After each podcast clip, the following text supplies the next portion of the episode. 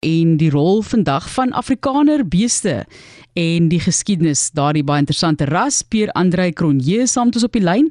Hy is die president van die Afrikaner Beesteelers Genootskap. Welkom aan jou. Baie dankie Martelies. Dit is lekker om met julle te gesels. Kom ons praat net gevinnig oor hierdie ras in die eerste plek. Hoekom die Afrikaner beesras vir die wat nou regtig nie weet nie, die leuke wat tans luister en die ontwikkeling van hierdie ras uit die geskiedenis.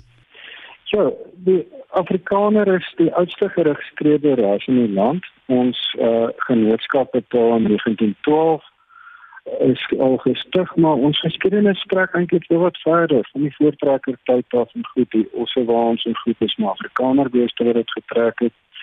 So ons as ras is ehm um, te ryk geskiedenis in die land, 'n kleurvolle geskiedenis. Ehm um, ek ek dink die meeste van die Suid-Afrikaners het iewers 'n storie of 'n verbintenis om te vertel van iewers uh, Afrikaner wees. So, on, ons is baie trots daarop. Um, en dit is altyd lekker om dit te deel. Ons gaan nou 'n bietjie praat oor die impak ekonomies, maar hoe wyd versprei is die Afrikaner bees? Is hulle gemaklik in enige kan ek maar sê omstandighede winter, somer of is daar 'n plek in Suid-Afrika waar hulle nou regtig aard? Ek dink uh dis 'n baie aanpasbare ras wat uh nog gedwing is om aan te pas in dele van ons land wat uh regtig nie optimale toestande vir vir bees deur uh, is nie. Maar ons oor die jare is ons maar reg oor die land voorgekom in ons buurlande ook ehm um, vir almal Namibië het nog baie Afrikaners. Ehm um, Zambia en Zimbabwe het ook in verlede meer gehad. Ehm um, maar ek dink ons is baie aanpasbare ras. Kyk as mense nou ons weet honde byvoorbeeld dat jy kry hierdie pragtig opreggeteelde honde en dan hoor jy hulle het maar baie probleme raak gou siek daai tipe van ding. Wat is die voordele dan daarvan om die afrikaner bees te teel ehm um, te kruis dan nou liewer met ander rasse? Kan jy vir ons verduidelik met watter rasse en hoe dit benader word? Ja, ek dink om eerstens te kom die die siekte weerstandigheid van die afrikaner is redelik wel bekend. Ehm um, Suid-Afrika en Afrika in 'n groot mate het maar 'n redelike harde siektes vir beeste en bosluisverdraagbare siektes en goed. En die Afrikaner is relatief bestand teen teen die siektes en vergeleke met ander beesrasse rasse wat in ingebring is. Ehm um, ek dink in die verlede is die Afrikaner baie keer gebruik juis om hierdie rasse wat ingebring is te akkommodeer. Ehm um, en ons praat nou van daar nog voor eindstof beskikbaar was vir baie van hierdie siektes soos hartwater en rooiwater en galkoors. Ehm um, so ek ek dink die Afrikaners speel 'n groot rol daar en reeds oor 'n klomp jare en ek 'n klompie rasse is as gevolg daarvan ook van uit die Afrikaner uit ontwikkel. Ons gesels oor die Afrikaner bees, die rol tans in Suid-Afrika en die geskiedenis van hierdie ras met Pierre Andre Cronje en hy is die president van die Afrikaner Beesteelers Genootskap.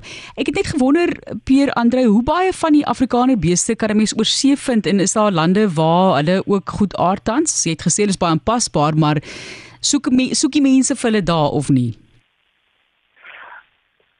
So oor die jare is daar 'n klomp is daar nou heel party lande te ehm um, diere uitgevoer onder andere Australië, Amerika, ehm um, Uruguay wat nou redelik ver is, maar in groot getalle na ons buurlande in Suider-Afrika.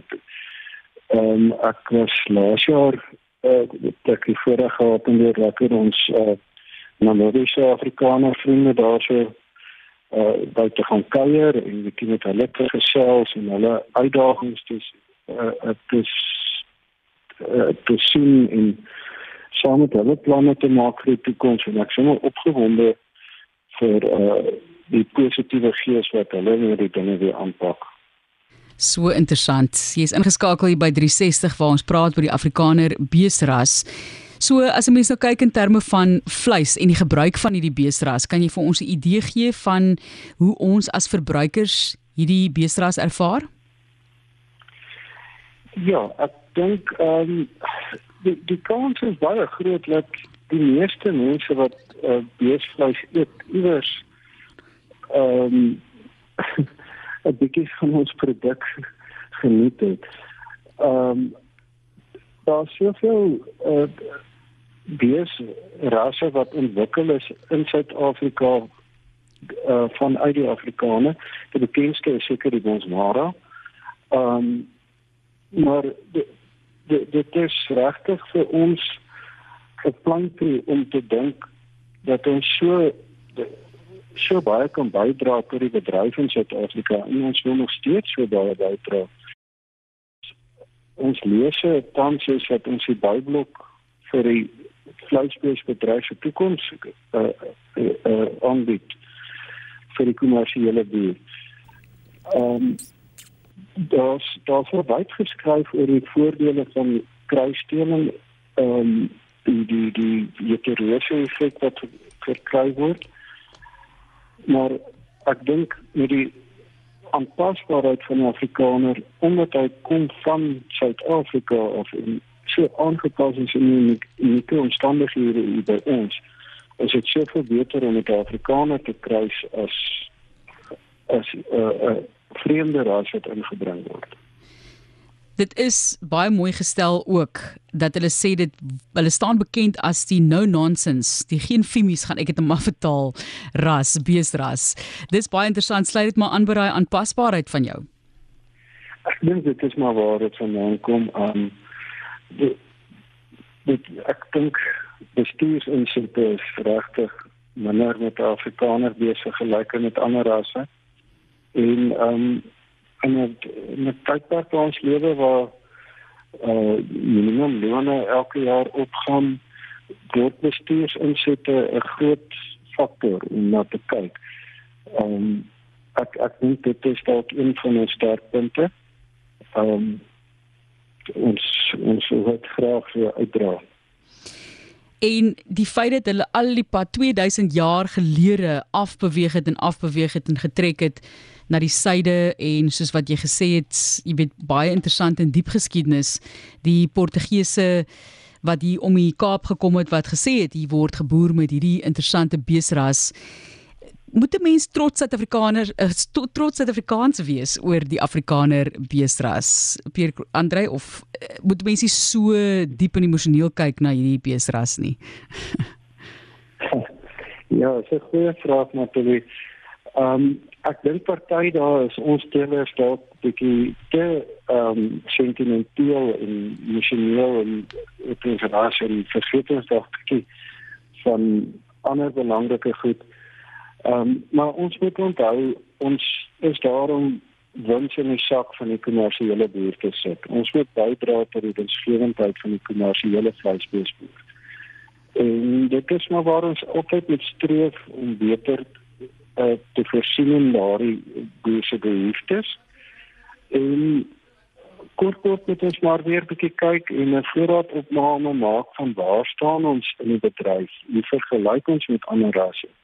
So gaan ons hierdie komende um, jaar het ons weer 'n raadslaging wat ons vleis so gaan kyk en in samewerking met Stamboek wat ons die analise doen kan ons weer besluit in watter rigting moet ons steel.